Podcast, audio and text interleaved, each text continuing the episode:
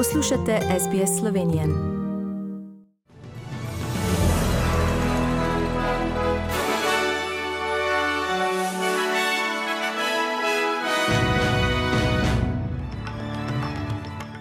V poročilih 17. julija 2021 zaprtje se nadaljuje v Viktoriji in New South Walesu, možni ostrejši ukrepi za Sydney. Voditelji APEC-a so se srečali virtualno in se pogovarjali o boljšem skupnem odzivu na pandemijo. In vsem državljanom Slovenije so na voljo novi boni, ki so unovčljivi v dejavnostih turizem, gostinstvo, šport in kultura.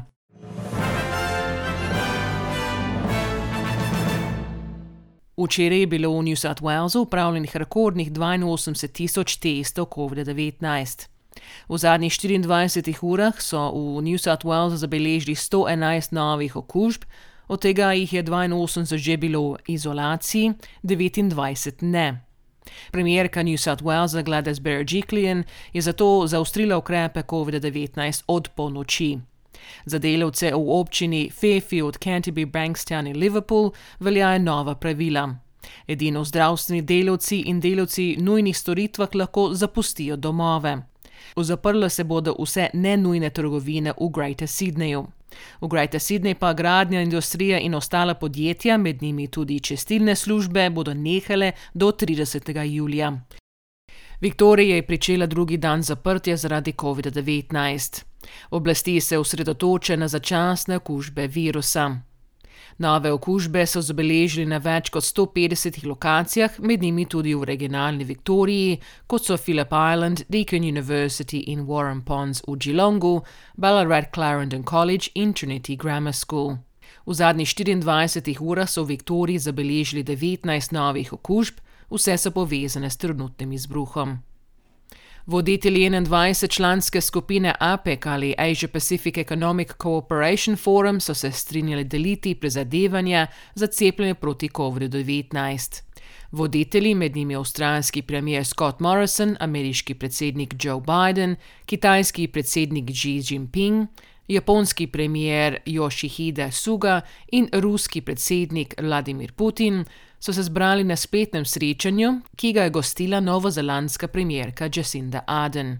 Ardernova pojasnjuje.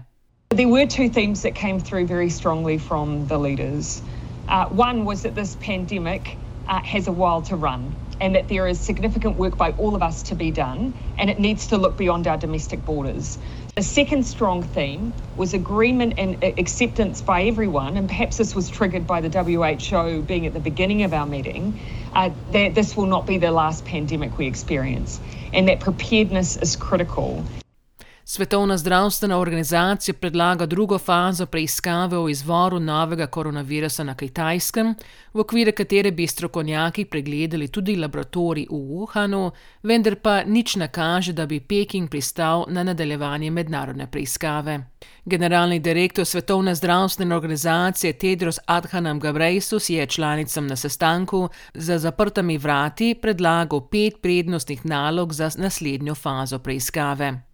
Predlogi vključujejo revizijo ustreznih laboratorijev in raziskovalnih ustanov, ki so delovali na območju izbruha virusa, ki so ga prvič potrdili decembra 2019.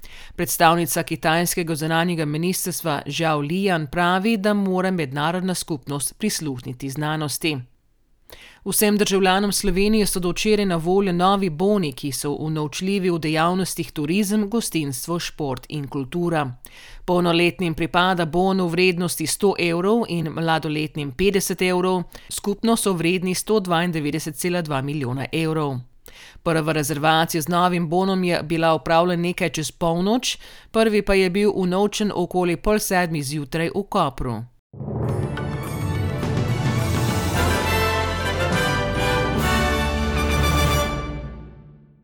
Preglejmo tečajne liste, šport in vreme.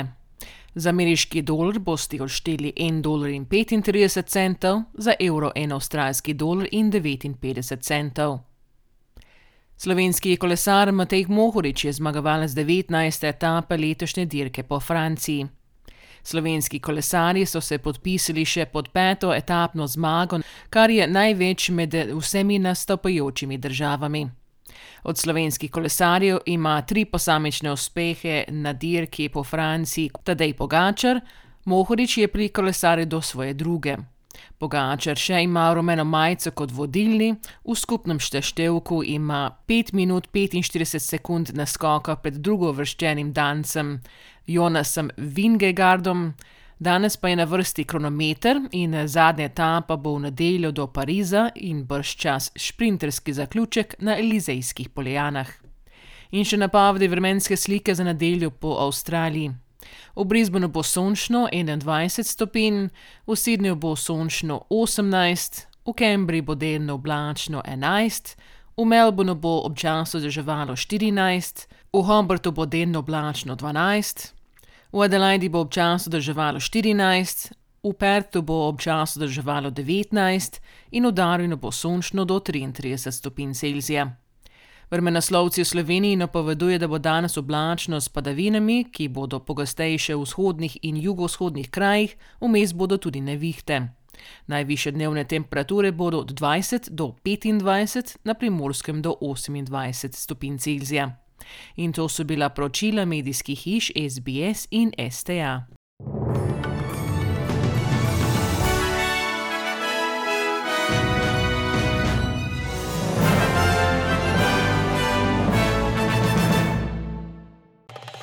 Želite slišati sorodne zgodbe? Prisluhnite jim preko Apple ali Google podcasta, preko aplikacije Spotify ali kjerkoli drugje.